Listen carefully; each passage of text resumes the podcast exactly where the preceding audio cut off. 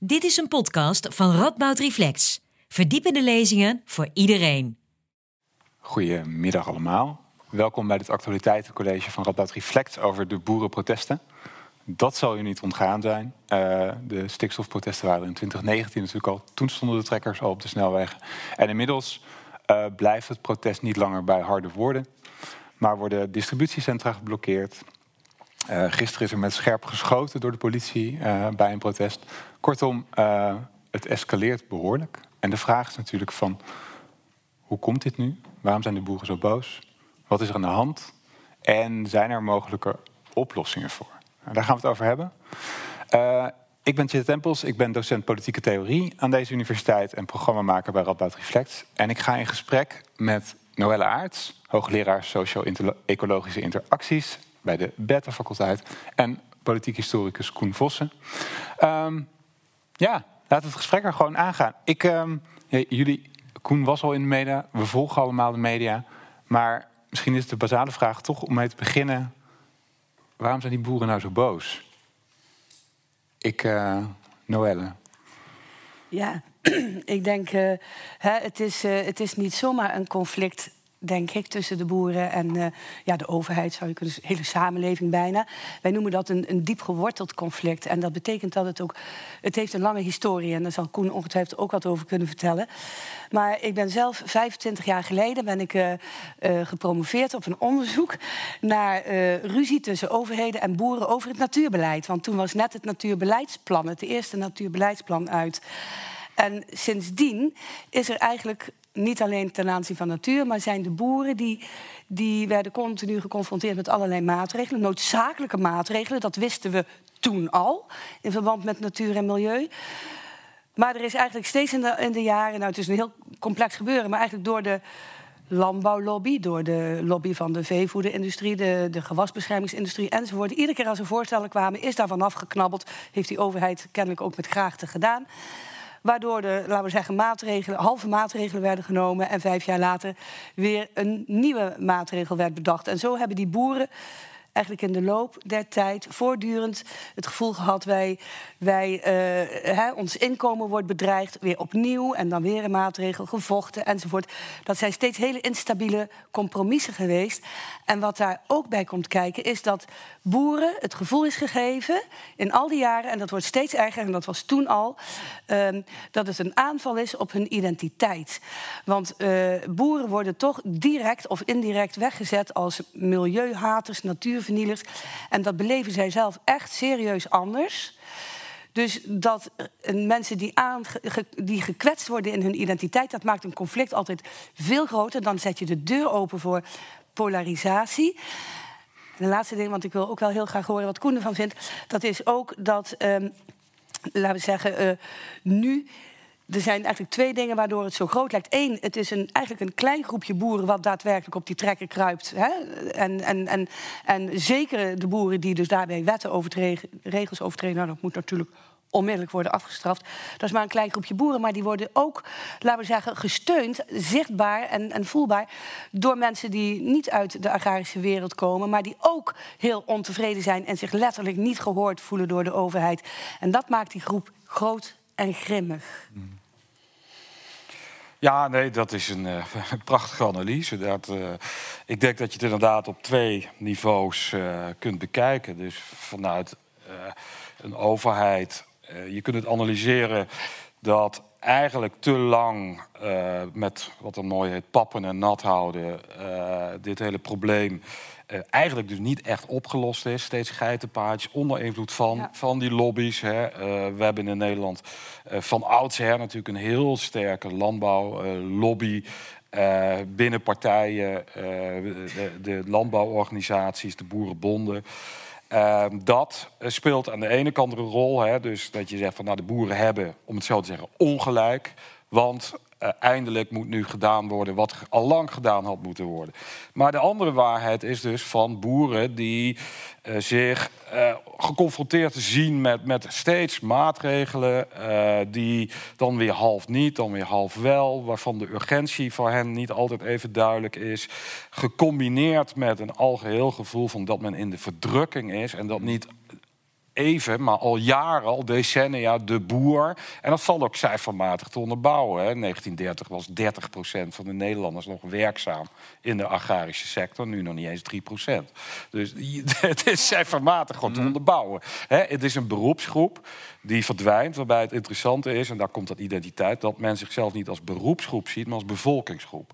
Uh, dat is net daarom dat men heel, heel curieus het ook heeft in de jaren negentig had Wien van der Brink het over etnische zuiveringen. Nu vergelijkt men zich met uh, de Joden. Nou, daar wordt, daar wordt over gedaan. Terecht gezegd van dat zijn belachelijke vergelijkingen. Maar het geeft wel aan dat men zichzelf niet zomaar ziet als onderwijzer of huisarts. Nee, hmm. men is een, een bevolkingsgroep die in Nederland geen plek meer heeft. En uh, tegelijkertijd, en ik denk dat dat het interessante is, uh, ook het idee hebben van dat het eigenlijke Nederland is het Nederland van uh, Dick Trom, van de weides, van de boerderijen, van de koeien. Van dat, die nostalgie mhm. waar programma's als Boer zoekt vrouw en dergelijke ook aan appelleren. Dat moet je ook niet onderschatten. Dat culturele idee van wij zijn het, het Amerikaans, noemen ze dat de heartland, hè? Het, het echte Nederland. En het echte Nederland, ja, dat wordt niet meer door Den Haag uh, vertegenwoordigd. Nee. Maar dan, want jij, zei ook van ook de mensen die we nu zien, die, zeggen, uh, nog harder protesteren, nog harder optreden. Dat is maar een kleine groep. Maar um, is daar dan dat idee van, van de boer, de Heartland-boer, zeg maar, is dat daar dan sterker? Of is er een grotere groep, laten we zeggen, die allemaal dat, datzelfde idee van uh, datzelfde identitaire idee omarmt? Of zitten daar binnen ook, laten we zeggen, verschillen? Er zijn hele grote verschillen tussen boeren. Heeft Jan Douwe van de Ploegen, hoogleraar sociologie in Wageningen, heel mooi onderzoek altijd naar gedaan. En ook zeer benadrukt het belang daarvan om daar, om daar naar te kijken. Er zijn heel veel verschillende boeren. Er is een kleine groep nu, die Farmers Defence Force. Die mensen zijn ontzettend boos. En ook daar weer een deel van, die gaan dus uh, uh, op de trekker. En daar weer een deel van doet echt dingen die alle grenzen overschrijden. Hè, in termen van de wet overtreden en intimideren. En ik zou daar zelfs onfatsoenlijk gedrag bij uh, willen noemen. Maar er zijn ook een heleboel boeren die zeggen: joh. Um, wij willen gewoon vooruit. Ik spreek echt heel veel met boeren, variërend van hier in de Ooi en, en, elders. En de meeste boeren, ik zou willen zeggen, de meeste boeren deugen, net als de meeste mensen deugen. En die hebben zoiets van, nou, ik, ik, ik wil met mijn bedrijf vooruit en ik wil duurzaamheid meenemen. En dat varieert van boeren die zeggen: Nou, ik zou het liefst helemaal biologisch worden, want dan ben ik van die pesticiden af de bank. En alles eigenlijk. Hè? Dus dat, tot aan boeren die zeggen: Nou, ik vind het gewoon helemaal top om voor die uh, wereldmarkt te produceren. En ik investeer in technologische oplossingen, zoals strokenlandbouw hè, bijvoorbeeld. En van alles daartussen. Mhm. En wat ik mis in de discussie nu is. Waar blijft, het wordt gezegd, nou de provincies gaan dat uitzoeken en dan is het stil. Maar wat dan? Nou ja, we gaan er waarschijnlijk nog wel over mhm. spreken. En daar wordt eigenlijk nauwelijks over gesproken. Over de, eigenlijk de grootste groep boeren die zeggen... jongens, wat gaan we nu doen? We staan er klaar voor. Help ons en we gaan aan de gang. Want inderdaad, die oplossing moeten we het zeker over hebben. Maar wat ik interessant vind, waarom horen we die boeren waar jij het nu over hebt... laten we zeggen, die wel zeggen, oké, we erkennen het probleem... we willen het anders doen, we kunnen het anders doen... we hebben daar ideeën over. Waarom horen we die nu niet in het debat? Nou, dat is best lastig, want ja, nee, de media, dat zie je wel. de, media spelen hier echt een rol in. Want mhm. je ziet af en toe wel in de krant een, een, leuk verhaaltje over een biologische boer. Maar de grote hoeveelheid in de krant is toch die tractor. Is ook super media-geniek natuurlijk. Dat weten die boeren ook. Dus weet je, en dat, dat genereert op die manier de aandacht. Want ja, de media die, hè, die hebben natuurlijk zo hun regels. En een van de regels is toch wat echt afwijkt van het alledaagse. Dat is nieuws. Nou, dan kan je dit wel noemen. Ja, ja het is media-geniek. En dan, werk, ja, dan speel je zelf in de ja, Ik denk soms ook wel eens dat daar iets van intimidatie ook bij zit. Dat men het idee heeft van uh, dat gematigde boeren bang zijn om zich al te veel uit te spreken, omdat dat toch een vrij uh, intimiderend groepje is. Uh, die zomaar voor je deur kunnen gaan staan. Hè? Of die zomaar jou zwart kunnen maken. Ja. Dat zou me. Ja, zou ook kunnen. Dat zou me, ik heb dat wel eens wel, wel, wel gelezen, dat sommigen zich daardoor laten weerhouden. Dus dat zou ook echt een rol kunnen spelen. Want dus dat is, maar ja, dat is bekend. Ik denk dat waar is. Er spelen ongetwijfeld meer factoren een rol waarom de ene groep meer zegt. We hebben het toch steeds over de zwijgende minderheid of de ja meerderheid eigenlijk. Ja. Kijk, is dezelfde vraag die je altijd hebt als bijvoorbeeld... een, een, een moslim-extremist een, een, een aanslag doen, is altijd waar zijn de gematigde Mm. moslims hè, die zich uitspreken. Dat moeten er zoveel zijn. En waarom, dat is precies hetzelfde. En die voelen inderdaad soort, niet ja. zo de noodzaak, want die Nee. zijn er niet zo tegen. Mm. Die denken, oké, is allemaal niet leuk, maar we willen vooruit. Ja, precies. Maar Koen, als jij dit vanuit historisch perspectief bekijkt, ehm, die protesten, Ja, de politie schiet met sch- scherp, was gisteren, was, was gisteren in het nieuws.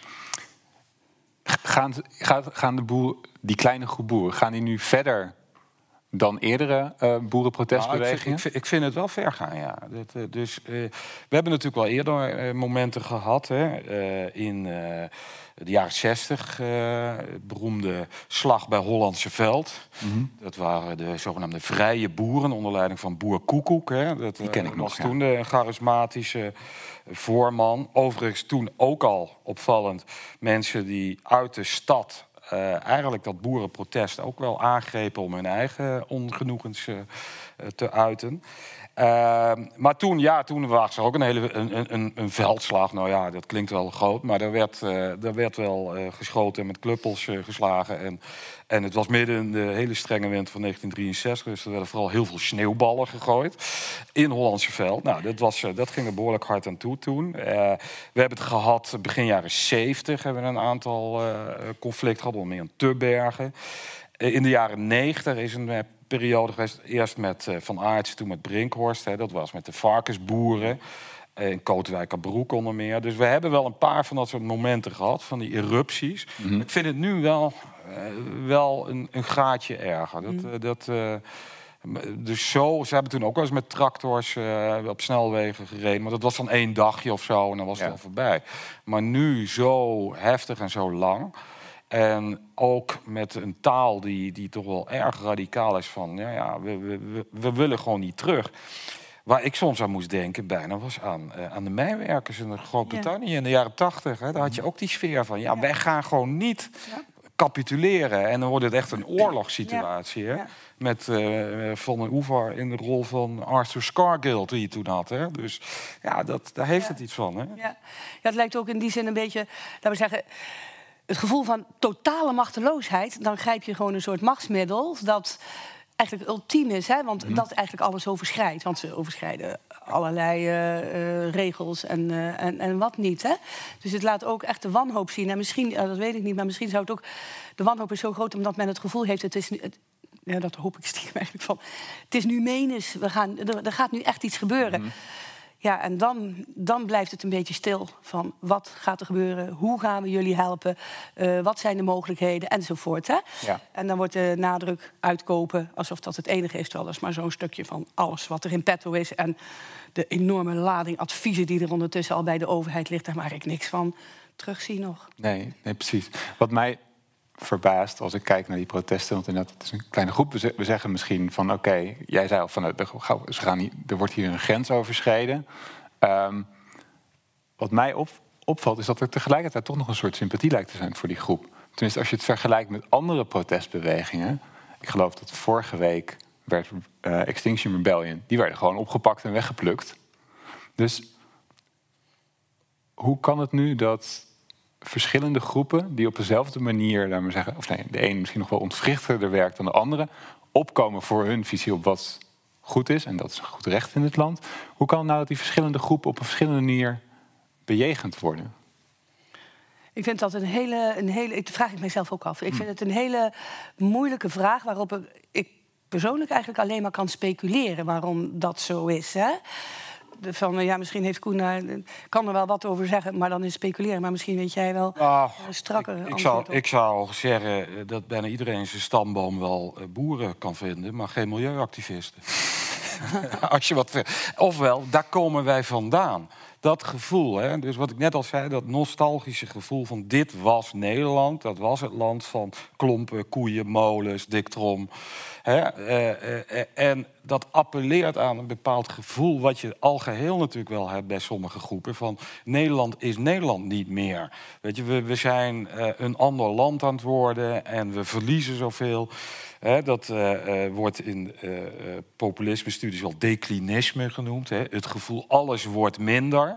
En ja, die boeren is daar weer zo'n voorbeeld van. Hè. En dat komt dan in het hele rijtje van zwarte piet, vuurwerk, nou, noem het maar op. Allemaal dingen die niet meer mogen, die niet meer kunnen. Eh, en en eh, ja, men, eh, dat, daar appelleert denk ik dit heel sterk aan. Dus dat raakt Ja, ook aan wat ik jij denk net eerlijk zei. gezegd ook wel dat... dat, dat ik, ik zie hier ook... Hier is natuurlijk ook de, de overheid die eigenlijk eh, hier dat onderscheid sterk maakt. En eh, ja, ik denk dat dit ook, ook wel een, nog een, een, een soort derivaat is van... Ja, weet je... eh, eh, ehm, het klimaat komt natuurlijk mondjesmaat dat daar serieuze aandacht naar gaat. Hè. Dat gaat allemaal niet vanzelf. Het is een heel nieuw, ja, relatief nieuw onderwerp enzovoort. Ehm, terwijl de boeren, die, de boerenlobby, ik denk toch dat die nog steeds erg sterk is. En dat er ook, laten we zeggen, ook politiek gezien, eh, zit men ook steeds op twee benen. Hè? Van de ene kant, ja, die boeren moeten dit en die moeten natuur en milieu. Dat moet allemaal wel, en Natura 2000 en noem het op.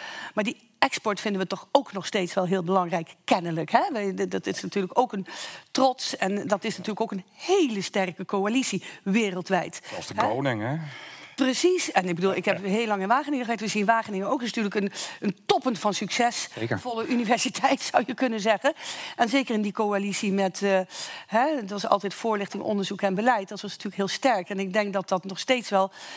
Dat brokkelt wel af, maar dat maakt wel nog dat hier... Ik denk dat dat ook een rol speelt. Gewoon gevestigde belangen Ja, die de gevestigde doorwerken. ten opzichte van de buitenstaanders. Ja, precies. Ehm, ja, oplossingen, dat is lastiger, denk ik. Ehm jij zei net al van, eh, in de bal wordt nu bij de provincies neergelegd. Hoe nu, hoe nu verder? Dus misschien is het goed om te kijken, om het even in twee stukken te knippen. En te zeggen van, oké, we zien nu grote protesten, conflicten. Er is een bemiddelaar aangesteld. Ja. Dat is één. En dan misschien het, nou ja, hopelijk niet vergezicht, maar hoe gaan we daarna verder?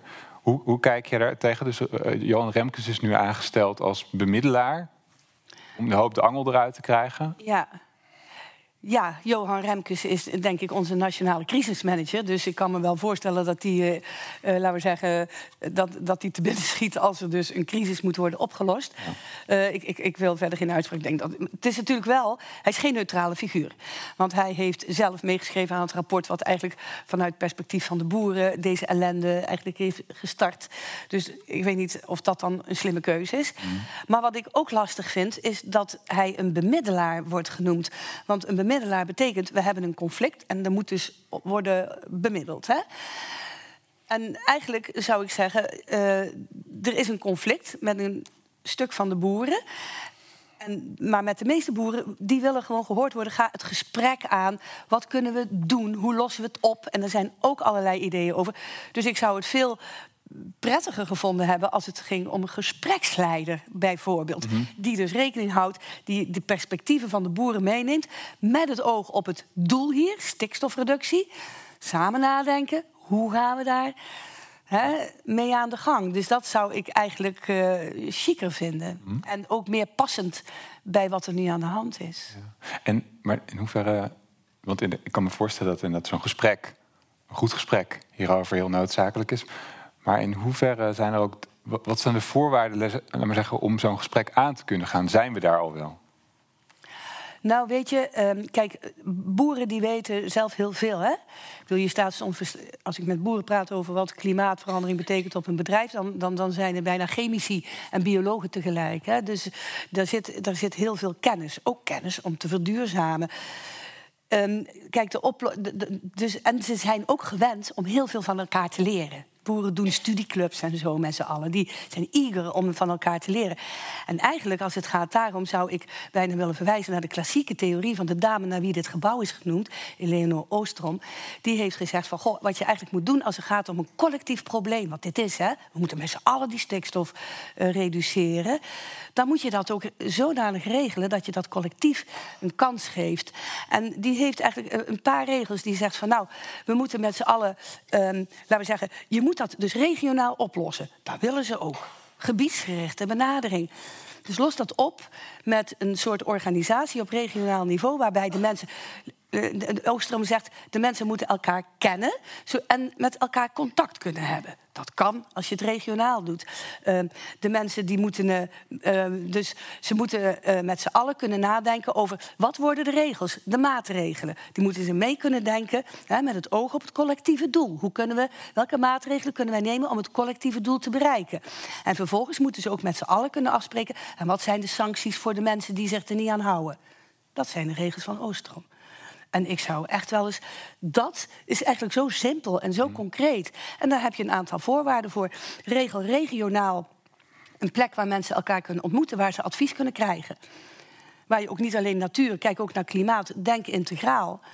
En er is vanuit, er is zoveel, vanuit de Boerenraad, Willem Lagenweg zegt, regel die noemt dat plaatsen. Plaatsen in het land waar mensen terecht kunnen. Dus ik denk een beetje aan dat soort dingen.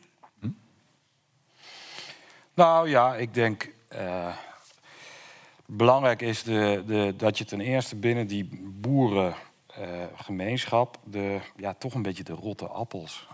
een beetje isoleert. Ik denk dat dat niet onbelangrijk is. Dus uh, ik leerde altijd al toen ik les gaf op een middelbare school. Als de klas vervelend is, geef nooit de hele klas de schuld. Want dan gaat de klas zich solidair verklaren tegen jou als leraar. Mm. Je moet degene aanspreken die vervelend doen. En dat geldt hier ook. Je moet degene aanspreken die vervelend doen, die moet je isoleren en de rest moet je mee aan de slag gaan. Ja. Waar je voor moet uitkijken, ik denk dat dat echt, en dan ga ik toch weer even naar Groot-Brittannië met de mijnwerkers, dan heeft men gewoon de kaartenpoot stijf gehouden. Uh, als regering. En daar is een woede-reservoir ge, gekweekt. Wat, wat zelfs nog naar boven kwam toen Thatcher overleed. Hè? Want er veel mensen nog steeds aan het juichen. De Witch is Dead. Ja. ja, The Witch is Dead. Ja. nou, dat, dat, dat, dat sfeertje, nou, dat kun je dan krijgen. Dat aan de ene kant. Aan de andere kant moet je ook weer voorkomen... dat er weer een geitenpaadje wordt uh, uh, gekozen... waardoor het probleem zich weer wordt, vooruit wordt geschoven. Dat moet je ook niet doen. Dus je moet daar een soort middenweg tussen zien te vinden. En ik denk het belangrijkste daarbij is inderdaad uh, uh, toch de, de, de, de welwillenden. Een coalition of the willing. De welwillende moet je eh, zien te uh, vinden. En... Ik zou ook wel willen toevoegen, wij focussen ons enorm op de boeren. Hè? Maar dit is iets wat ons allemaal aangaat. En dat wil ik toch ook wel echt benadrukken. Hè? Um, wij als consumenten, elke keer als wij naar de Albert Heijn gaan... en we kopen lekker ons eten... dan reproduceren wij het systeem waar die boeren dus op worden aangevallen. En dat vind ik heel erg belangrijk. En dan heb ik het over ons als consumenten. Maar wat dacht je van de supermarkten? Hè? Die dus, uh, laten we zeggen, een biologische boer krijgt nauwelijks een contract. En er wordt heel makkelijk contractbreuk gepleegd... als je de biologische melk voor een cent goedkoper kan krijgen in Duitsland. Dat soort dingen zijn ook aan de hand. De banken zijn ook reluctant met biologisch. Hè? Maar als het gaat over de bulk, dan ben je welkom. Ik bedoel, de hele keten is hier verantwoordelijk. Van producent tot en met mhm. consument. En als we het over hebben, we moeten minder vlees of we moeten minder, minder koeien, dan moeten wij ook met z'n allen minder vlees eten. En er wordt hier overal heel veel onderzoek ook naar gedaan. En dat noemen ze dan de eiwittransitie. En dat betekent gewoon dan in de rest van de dat we gewoon allemaal minder vlees moeten eten om onze planeet te redden. Dus ik denk dat we allemaal aan de bak zijn. En dat wordt op dit moment eigenlijk ook nauwelijks eigenlijk geproblematiseerd. Mm -hmm. Zelfs als, als er staat degene die de woordvoerder van de supermarkten die zegt: ja, dan komen ze hier. Weet je, die was heel boos van die En wij kunnen er ook niks van. Wij hebben er niets mee te maken, zei hij letterlijk. Nou, toen dacht ik ook van oei. Nee, precies. Dus, en, eh, want inderdaad, als je, dus je moet het breder zien, die keten. Je had het net over die regionale plaatsen, zeg maar. Ja. Um, dus dat gaat ook verder dan dat. Dus uh, de mensen die daar zich zouden moeten verzamelen, of de actoren of de partijen, dat, dat zijn niet langer, dat zijn niet alleen uh, de boeren of de melkveehouders, maar ook de lokale supermarkt, de supermarkt en uh, alle NGO's eromheen, maar ook de consumenten. Want er zit, wij doen onderzoek hier in de Ooipolder, met, samen met de boeren en met allerlei andere mensen en partijen, de gemeente ook, proberen we de Ooipolder te, te verduurzamen, zeg maar. Nou, en daar zijn ook heel veel. Alleen al in de Ooipolder zijn zoveel initiatieven van boeren die samen met burgers proberen om een stuk land te verkrijgen, waar ze dan, laten we zeggen, biologisch of duurzaam boeren enzovoort. Maar op allerlei gebieden zitten er heel veel coalities tussen boeren en burgers. Ik vind het heel mooi om te zien. Zouden we veel meer mee kunnen doen? Wij zeggen wel eens van ja, je moet al die verschillende initiatiefjes, die moet je eigenlijk verbinden om op die manier dat regime, wat eigenlijk geneigd is om te, nou ja, het beleid voor te laten gaan, om dat eens een keer stevig aan te pakken. In plaats van dat je denkt dat ieder initiatiefje dat in zijn eentje zou moeten doen. Ja, precies. En ook dat proberen zichtbaar te maken, Ja, denk ik. Precies, heel Ten opzichte belangrijk. van eh, mensen die, zoals wat je zei, de Farmers Defence Force, die Ja. nu het narratief bepalen, zeg maar. Dus hoe zorg je ervoor dat Ja, dat zichtbaar wordt? ja, want er gebeurt echt heel veel positiefs. Dat wil ik echt benadrukken. Het gebeurt allemaal naast elkaar. Maar dat is inderdaad, dat zou heel veel meer zichtbaar gemaakt mogen worden. Oké. Ik eh, denk dat we gaan afronden. In ieder geval voor het vraaggesprek. Ehm, dank hiervoor. Ehm, we gaan zo naar de zaal. We gaan nog wat vragen stellen. Ik, heel even komt er zo even een microfoonwissel. En dan ehm, gaan we naar u toe. Is er ruimte voor vragen? Ehm, voor nu, bedankt. Graag gedaan.